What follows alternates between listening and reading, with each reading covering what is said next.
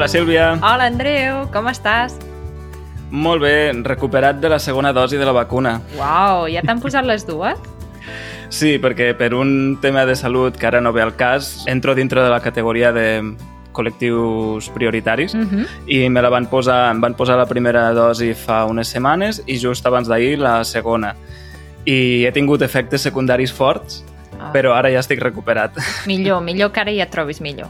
Sí, sí, sí, sí. I mira, ja content que ja tinc les dues dosis, ja està fet, Molt bé. saps? Sí, sí. Tu què, com va? Molt bé, molt bé. He vist que hem tingut molts comentaris del podcast, no? Sí, últimament hem rebut diversos comentaris. Un d'ells en gallec, d'una noia que es diu Lucía Alonso, em penso, um, segons el seu nom a Instagram. I mira, el llegiré en gallec, tot i que no el parlo. Va, vinga. D'acord? Aleshores, demano perdó d'entrada, demano perdó als gallecs o gallego-parlants que ens escolten, galaico-parlants, suposo. Uh, diu, hola, llevo un tiempo queriendo aprender catalán. Esta semana atopei-vos en podcast en Spotify e servidesme de moita axuda para o tema de entender catalán o oílo. Fai tempo que empecei a ver series en catalán sen subtítulos, a escoitar música e todos estes recursos axúdanme moito. Gustaríame pedirvos se me poder se me poderes recomendar libros en catalán porque me gustaría empezar a ler para fixarme máis nas palabras e na escritura. Ah, molt bé. S'entén força, no? Sí, s'entén ah. molt i jo he d'agrair que ens hagi escrit en, en gallec i no en castellà perquè és que realment la intercomprensió entre les llengües romàniques és qüestió de voluntat. Jo no em canso de dir-ho això perquè és que és així, és qüestió de voluntat. Llavors li vaig contestar a la Lucía i li vaig recomanar l'episodi uh, 5 del podcast Uh -huh.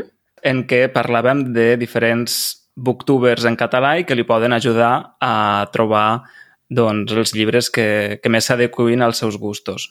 Exacte.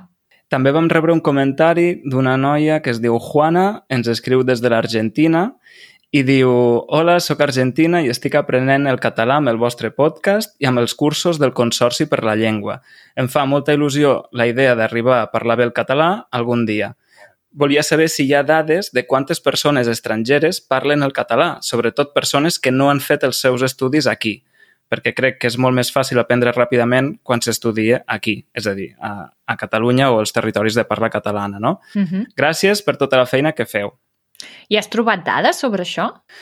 La veritat és que, clar, és difícil, no?, Mm, donar una dada de eh, més o menys eh, aproximada de tots els aprenents de català perquè, clar, una cosa són els aprenents que, que estudien de manera formal amb cursos, ja sigui del Consorci o de l'Institut Ramon Llull, no? a, les, a les universitats estrangeres, doncs, clar, també falten els estudiants que aprenen la llengua des, o sigui, de manera autodidacta, Uf, que en són molts. clar. Però això potser no hi ha cap registre ni res.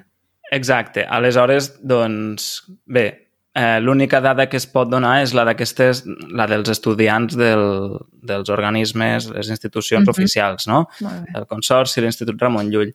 I, doncs, a tall d'exemple, eh, l'any 2020 l'Institut Ramon Llull va tenir en conjunt, en, a, a totes les universitats de, a l'estranger, uns 3.500 estudiants de- d'assignatures de, de llengua i literatura catalanes. Uau, molt bé.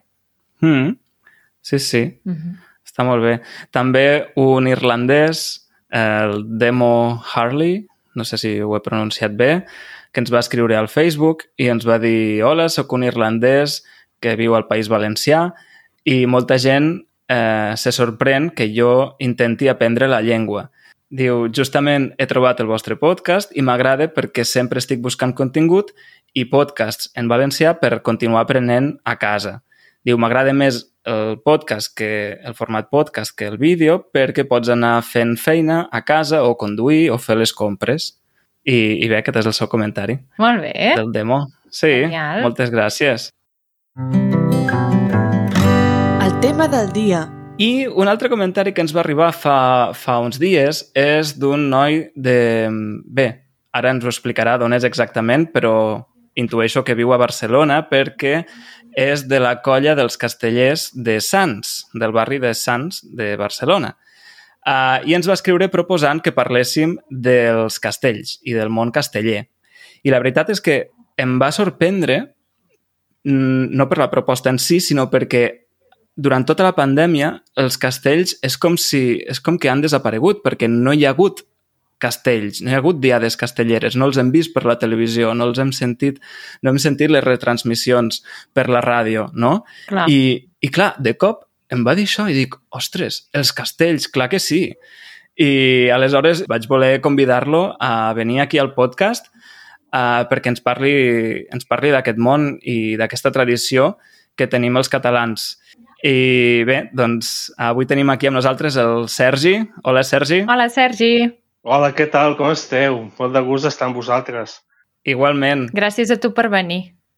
I tant. Um, bé, moltes gràcies per la proposta que ens vas fer, perquè evidentment que en el nostre podcast algun dia hauríem acabat parlant dels castellers, però, però bé, doncs la teva proposta ha sigut l'excusa perfecta per fer-ho ja. I bé, primer de tot, volia confirmar això, d'on ets? D'on ets, Sergi? Ets de Barcelona? Sí, sóc de Barcelona i de la barriada de Sants. Uh -huh. M'he criat aquí tota la vida, i però bé, els castells em van venir molt més tard. Des de quan Mhm. fa? Des de quan fas castells? Doncs els, des del 2014, és a dir, no relativament a, aviat. Uh -huh. I tot va venir perquè l'amor et porta a un altre lloc, en aquest cas Vilafranca, i ahir vaig començar a absorbir el món casteller, el món casteller, el món casteller, i al tornar a Barcelona doncs vaig dir, bueno, doncs ara que puc, m'hi fico. I vaig entrar a la colla castelleres, els borinots, que ens diem. Ah, sí? Els borinots? Sí, sí, sí, els diem Ai, així. molt bé. Que bo. Uh, bé, després parlarem de Vilafranca, perquè és un lloc important en el món casteller, però abans d'això, per a tota aquella gent que potser encara no sap què són els castells, així, ras i curt, uh, com, com explicaries, com definiries què són els castells? Doncs els castells en principi venen de la moxiganga, que és una, un ball tradicional de les Terres Valencianes, i a partir d'aquí, a partir del 1790, ja es van anomenar doncs, com a castellers, i fins a arribar doncs, a ser patrimoni de la, de la UNESCO. Uh -huh. Patrimoni immaterial, no?, de la humanitat per la UNESCO. Sí, sí. Uau. Déu-n'hi-do, eh? Devia ser un dia també molt intens.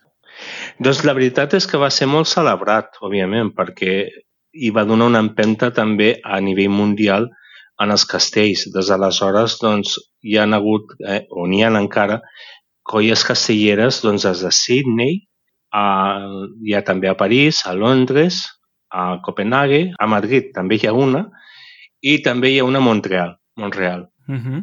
Déu-n'hi-do. És a dir, tenim una tradició que ha estat declarada Patrimoni Material de la Humanitat i que consisteix exactament en què? Doncs els castells és un conjunt de persones en diferents posicions, i quan dic persones són moltes persones, que el que intenten és fer els castells com més grans, més bonics i més difícils, millor. Això és així, una pinzellada. Exacte, i són castells humans, o sigui, construeixen un castell pujant persones a sobre de les altres, no? Exacte. Uh -huh. Vull dir que no són castells construïts amb algun material, no, no, és que són torres humanes, no? Moltes vegades quan trobem descripcions dels castells en altres llengües ho defineixen com human towers o, mm. Mm. o eh, alguna cosa similar, no? Per tant, això, són torres humanes molt altes, de fet. Bé, ja has parlat de l'origen dels castells, de quan van començar, no? Has dit que venen de la- d'una tradició valenciana, Sí, la muixeranga valenciana. la moixeranga. Mm. Uh -huh. A quin any, quin any has dit que va començar tot això? Doncs es té indicis del segle eh, di, perdó, XVII, d'acord, on hi havia aquesta moixeranga. I a partir del 1770 a la- a l'Argos i 1790 ja es va començar a determinar com a castells. Uh -huh. D'acord. Uh, has parlat abans de, de Vilafranca. Per què és important Vilafranca en, en el món casteller? De fet, hi ha un, una àrea que és tradicional, que ve més cap a, precisament per la moixeranga que ve de, de València, doncs les, les terres de Tarragona, Baix, Tarragona mateix, doncs van començar a ser el punt zero dels castells. Després es van extendre cap a Vilafranca, també. I han anat pujant i s'han i s'han anat extenent. Penseu que hi ha, de colles n'hi ha un fotiment, em perdó. Ei, Alerta que avui tenim un superdescompte de la mà de NordVPN. Exacte. Avui ens patrocina NordVPN, que pel que encara no sàpiga què és una VPN, es tracta del següent. Si us connecteu, per exemple, des d'una xarxa wifi gratuïta, d'aquestes que trobeu al carrer, de vegades no és gaire segura. Sí, la veritat és que les fem servir de vegades i sempre penso que algú podria veure la meva informació privada. Doncs et pot passar si no navegues amb una VPN com la que ens ofereix NordVPN.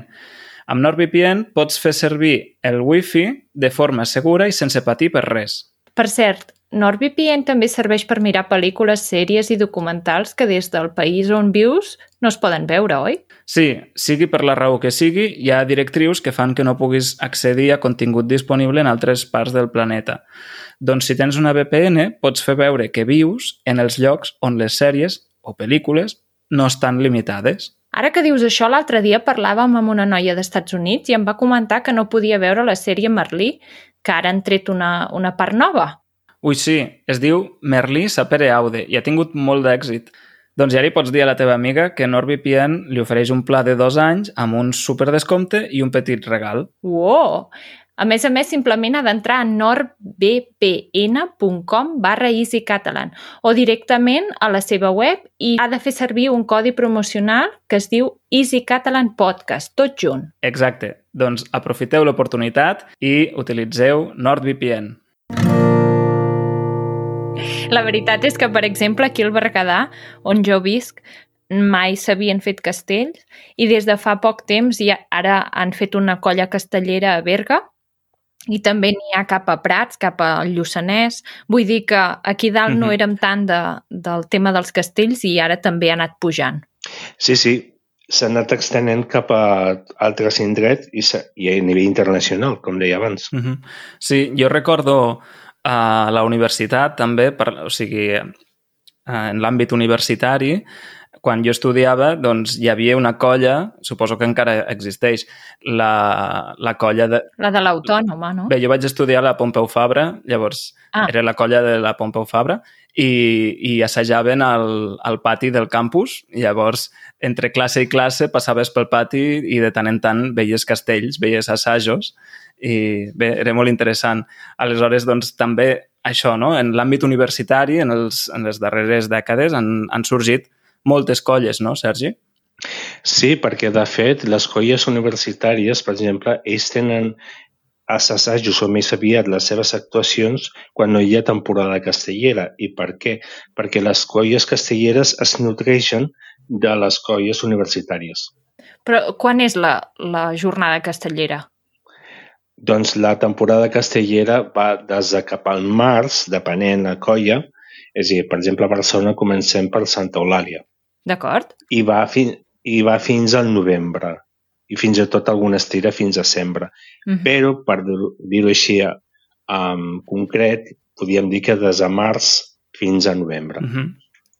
Jo me'n recordo que a l'estiu, no sé si és a l'agost o, o quan, em sembla que és a finals d'agost, fan la, la trobada castellera de Sant Fèlix i sempre hi ha la retransmissió per TV3 i, i ens l'hem mirat moltes vegades. I, I sempre penso, amb la calor que fa, perquè estan allà que cau un sol de justícia i ells allà fent castells al, al migdia, a més a més a les hores que fa més calor. Sí, evidentment perquè si fessis eh, castells en fred, mai millor dit, eh, estàs molt arrotat, estàs molt, eh, molt tens. Aleshores, eh, amb ah. la calor és com que tot... Eh, estàs més tranquil. És, és, és una altra és una altra forma de veure o de viure els castells. Quan fa fred, que estàs allí, aleshores a la pinya estàs a gustet, també dic. Els, que estem, els que estem allà a pinya, tancats, no? La pinya és la part inferior uh -huh. del que seria el castell, la primera plana. La primera Exacte. Plana. Aleshores, sí. I no et fa por estar a la pinya, que et caigui algú a sobre? Doncs tothom... És una pregunta que m'ho fan molt. És, depèn on et situïs a la pinya. Perquè, perquè eh, a veure, si és la pinya, no, no, només pinya i no té una subpinya a dalt, al folre, que es diu, o a les manilles, sí. que és una tercera petita pinya, doncs si estàs al nucli i tens gent a sobre, sí, suportes el pes. Però si cau només casa una mica reguardí de tu mateix uh, i, i aguantar el tipus si, fins a que surtin, no? Ah. Això sí cau, o quan cau, Mhm. quan fa llenya, que es diu, Uh -huh. d'acord? Però calor, calor passa estins fora, el que vulguis, això t'ho dic. Però, i quan és, i quan sí hi ha castells nets que no tenen cap mena de suport exterior d'aquestes pinyes, és més, hi ha un cert risc, com a tot. És a dir, volia comentar en aquest sentit de que la gent té un sentit de perillositat vertical versus altres esports com l'esquí que és eh, risc horitzontal. Mhm. Amb això vull dir que, que pots, fotre, mm, pots fer mal Uh -huh. Sí, sí, sí. eh, molt esquiant. Que no. En canvi, si cauen, normalment cauen a plom i, i pis sobre pis, i sí, cops i de més hi ha. Uh -huh. I alguna vegada ha hagut una mica més enllà. Uh -huh. Però, clar, no hi ha vida sense risc. Clar. A tot això, hem estat parlant de colles, uh, però bé, potser hi ha gent que no coneix aquesta paraula. La paraula colla eh, és un sinònim de grup, un, una colla de, de xiquets, de, de nois i noies, és un grupet, no? I en aquest cas, en el món casteller, les colles són els equips. Una, una colla castellera és un equip casteller i bé, no, no és un equip petit perquè ja ha dit el Sergi abans que, que són molta gent, de fet, no? Sí, sí, poden ser des de les colles més petites, 100 i pico, fins a 400, i depèn, si, depèn la diada, per exemple, o si és concurs a castells o alguna diada com Sant Fèlix, com deien, doncs ja port, arrosseguen tota la massa que va als assajos i la que no va, de vegades, si s'apunta per donar un cop de mà, Uh -huh. Mhm. fer pinya. Déu-n'hi-do. Quina és la colla més gran actualment? Doncs estan disputant, ho tenen en disputa tres colles actualment. La Vella de Baix, les Joves de Baix i Vilafranca. I ho dic amb aquest ordre perquè eh, els últims castells que van fer les de Baix van ser un 3 a 9 net que és impressionadament difícil, no té quasi bé eh, suport lateral de cap mena i és molt fràgil. I la van carregar només. Carregar vol dir que arriben fins a dalt però després el castell cau. Uh -huh. És dir, es considera carregat quan l'enxaneta, la, la, la nena que fa l'aleta per sobre, que hi entra més detalls, uh Mhm. -huh. però aixeca l'aleta i després cau. Allò es considera carregat. I descarregat, doncs, òbviament, la paraula indica. Uh -huh. Una pregunta, Sergi. Què significa 3 de 9? 3 a 9 són tres persones per pis amb 9 pisos de- D'alçada. d'alçada. D'acord. És que això es diu molt ràpid, però està a sobre de, de 8 persones.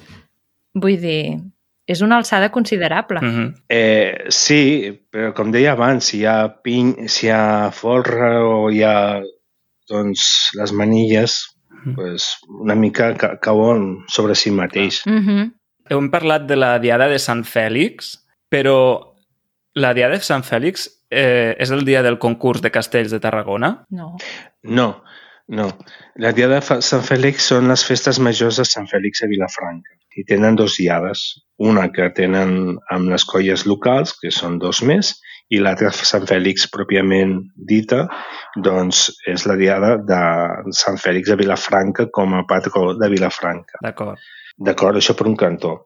La, el concurs de Tarragona es celebra cada dos anys amb, amb any parell. I és, podem dir que és l'esdeveniment casteller més important? El concurs de castells és l'esdeveniment esportiu dels castells. És quan totes les colles competeixen entre si. Hi has estat, tu? Sí, com a espectador i com a casteller, sí. Uau, ha de ser espectacular, això, eh? La veritat és que és una experiència única. Està allí al centre de l'antiga Roma imperial, però en lloc de lleons, castells. Guanyem.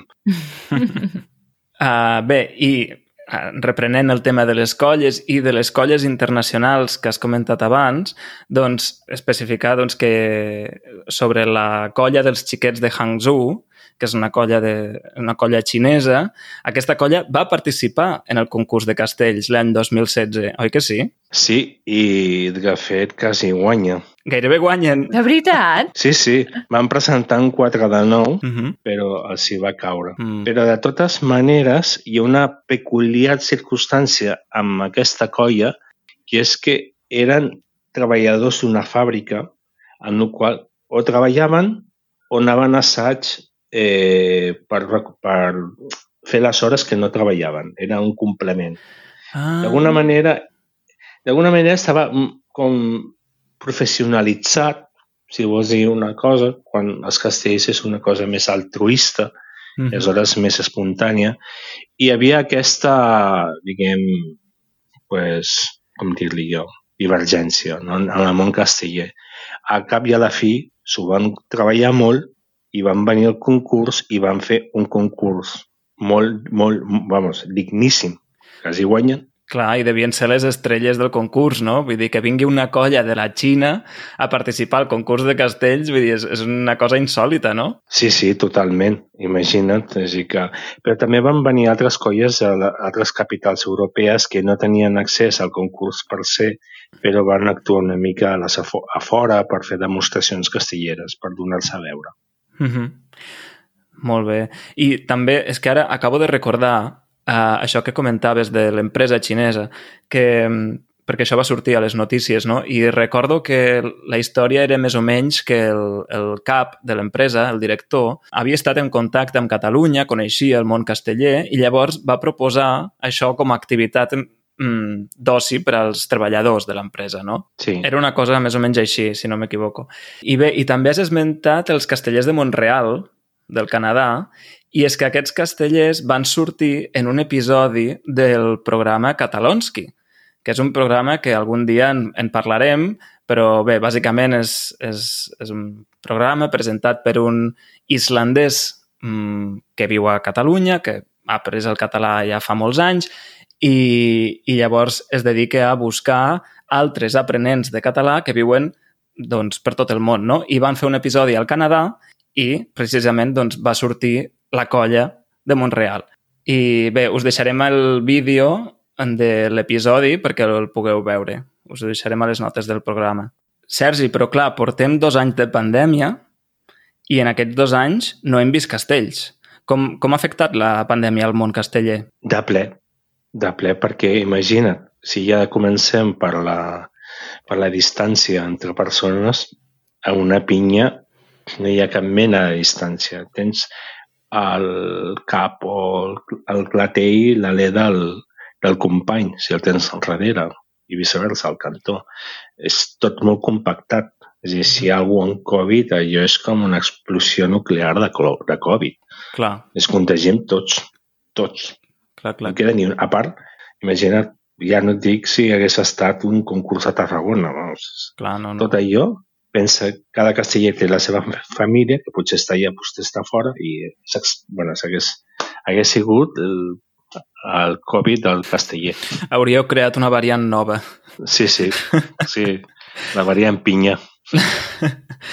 Però llavors heu pogut fer alguna cosa? O sigui, entenc que no heu pogut ni assajar ni res, no? O sí? Re, re, tot suspès. Tot Tot, suspès. absolutament. Assajos, tot, tot, tot, tot. Fins ara no s'ha començat a treure el cap fent assajos amb, bueno, amb 20 persones per la canalla. La canalla són els nens que creixen i són els nens que van a sobre i vol dir que com creixen s'ha de canviar contínuament. Clar. Amb això què vol dir? Que són els que hem dedicat més per renovar aquesta canalla perquè pugi les properes diades castelleres.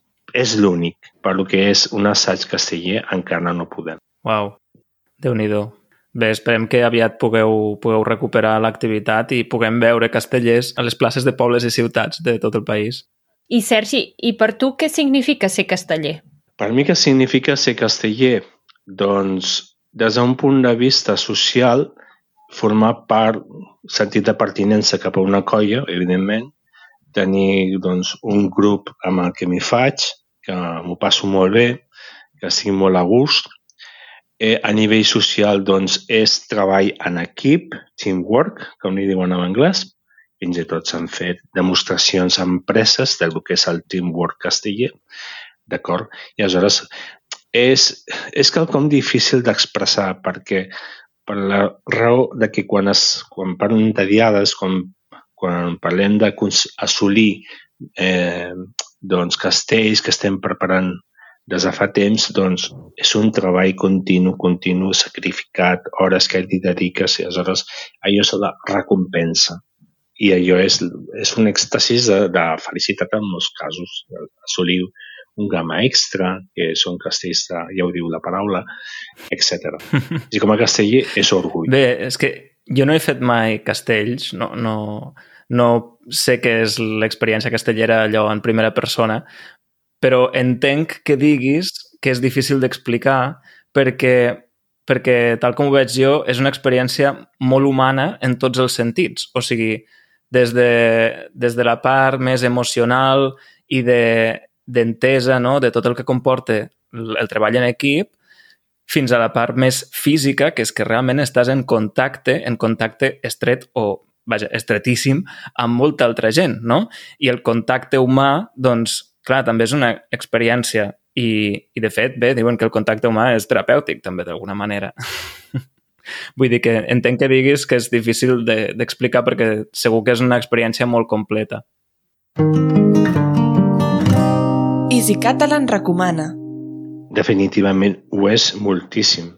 Sempre s'ha dit que el, els castells mm -hmm. és una metàfora social. No sé si ve al cas ara mateix, hi ha un documental que es diu Enxeneta, que està ficat a la televisió catalana, TV3, i és un documental que dura una hora llarga, es va fer en 3D i tot, i aleshores allà podeu una mica eh, observar o, o percebre el que seria el fet casteller des, des de dins. L'última pregunta. Tothom pot ser casteller? Oh, i tant. A veure, matitzem. Els castellers requereixen una forma física determinada uh mhm. -huh. en el sentit que no tinguis cap problema d'esquena perquè has d'aguantar pes. Però tot i així, tot i així, podies estar a posicions que no hagis a, a suportar ningú i puguis estar eh, pues, amb, amb uns punts determinats allà ficat. I també hi ha altres tasques dins del, el que seria la colla. És a dir, hi ha logística, hi ha administració, hi ha presidència, hi ha altres coses a fer dins d'una colla. Fins i tot altres activitats, com podien ser teatre. Ah, sí? Jo faig teatre dins de la colla. Trobem per la colla. Per exemple, hi ha campionats de futbol sala, hi ha campionats de... Hi ha una cosa, per exemple, eh, que és, com és una metàfora social, de, de la societat. Els castells, els castellers, són molta gent de diferents procedències, vinguin d'on vinguin, poden ser d'aquí, del resta de l'estat, de l'estranger, tothom és benvingut. Tothom es pot atensar una colla castellera i demanar informació i dir, mira, vull, vull uh, iniciar-me en el món casteller. No és un club social com si anessis al gimnàs, no, està obert a tothom. I aleshores hi ha nens, grans, petits, famílies senceres, gent que es coneix dins de la colla, etc. I una cosa importantíssima que va passar amb un casteller va ser la incorporació de la dona. Allò va ser crucial per el que seria l'època de platí del que serien les colles castellers actuals. La dona ha aportat moltíssim, moltíssim al món casteller, també volia deixar això claríssim i reconeixement molt bé. a les zones. Alguna cosa a dir, Sílvia? No, que m'alegro molt que sigui així. Ah, d'acord, no, és que pensava que volies dir alguna cosa. No, no. Això, quan, quan va ser, Sergi, la incorporació de, de la dona en els castells? Sabries dir-ho, més o menys? Doncs, mira, van començar els Minyons de Terrassa. Va ser el 31 del gener del 81 allò va ser que van començar a fer castells de dones i al principi, com tot, tota revolució va haver rebombori. Però ja està. Des d'aleshores ja totes les colles ho van acoplar. És que, és que era obvi, era quelcom obvi. I més dins de l'esperit casteller d'integració. Sí, sí. sí. Era sí o sí. Sí, sí. Aquesta és la conclusió, no? Que els castellers, o sigui, al final és una tradició que és plenament integradora perquè hi ha gent de totes les edats, de, de tots els sexes, de totes les procedències, això que deies tu, no? O sigui, és, és una manera també de conèixer gent, d'integrar-se en la societat, d'acabar fent altres activitats com les que deies tu ara, de teatre o futbol sala. Vull dir, sí, sí, és o sigui, una, una experiència sí, sí. integradora. Molt bé. I bé, t'ho preguntava això de la data perquè jo realment mai he vist castells on no hi hagi dones. Clar, ara has dit, a l'any 81, ara ho entenc, no? Perquè jo vaig néixer al 92, llavors eh, per mi els castells sempre han sigut una cosa de homes i dones, nens i nenes i de tothom, no? L'expressió de la setmana. Molt bé, doncs anem a fer l'expressió de la setmana, que crec que ja l'hem mencionat abans, i és fer pinya. Fer pinya, com ha explicat molt bé el Sergi, és quan els castellers fan pinya, o sigui, s'ajunten per estar ben, ben estrets i poder fer el pilar dels, dels castellers. Però és que l'expressió fer pinya sobresurt d'aquest context dels castellers i la fem servir en el nostre dia a dia. Què significa, Andreu, fer pinya? Exacte, o sigui, fer pinya eh, vol dir fer equip, o sigui, mm, donar-se donar suport els uns als altres dins d'un grup, sigui un equip, mm, jo que sé, esportiu, uh, dins d'una família, dins d'una empresa, o sigui, és el fet de uh, posar-se a treballar conjuntament o, o doncs, senzillament estar els uns amb els altres i donar-se suport. Exacte, recolzar-se. Mm -hmm. Sí, recolzar-se i, de i deixar-se recolzar i, i... Bé, la idea de fons és que eh, la unió fa la força, no? Que quan ets un grup i, i, i tots eh, treballen en la mateixa direcció, no? Mm -hmm. doncs, Exacte. doncs que són, són més forts si estem units. Mm -hmm. Crec que aquesta és la idea. Però, clar, eh, és una expressió realment que està molt generalitzada, és de la llengua general, del dia a dia, però mm -hmm. ve de, d'això, del món casteller. Per exemple, si volem fer servir aquesta expressió en, el, en una conversa normal de la nostra vida, podríem dir vam fer molta pinya en el grup d'amigues quan una d'elles tenia un problema. Això significa que quan una persona del grup o de, de, del teu grup d'amics té problemes, tots heu de fer pinya. Vol dir que heu d'estar junts per ajudar. Uh -huh. Exacte. O, per exemple, Uh, en l'àmbit laboral, uh, l'empresa va patir molt durant la crisi econòmica, però tots els treballadors van fer pinya per tirar l'empresa endavant i ho van aconseguir. Això vol dir que van treballar tots uh, conjuntament i esforçant-se molt per, per aconseguir el seu objectiu. Bé, doncs jo m'he quedat amb la sensació que, que hi ha moltes coses encara per aclarir de, de, de vocabulari i coses tècniques dels castells. Per tant, jo crec que ho haurem de deixar per l'episodi següent perquè ens ho expliquis tot amb molt més detall. Jo encantadíssim d'explicar-vos més coses sobre els castells, perquè sí que és molt mm -hmm. extens. Ja ho veig. és molt, molt extens. És dir que... I a mi, algunes coses se m'escapen a mi, també, òbviament. No podia ser d'altra forma no es pot saber tot. Molt bé, doncs ens sentim aviat i, i això, moltes gràcies per haver vingut, Sergi. Que vagi molt bé, Sergi. Gràcies a vosaltres. Adeu. Gràcies a vosaltres. Adeu. Adeu. Adeu.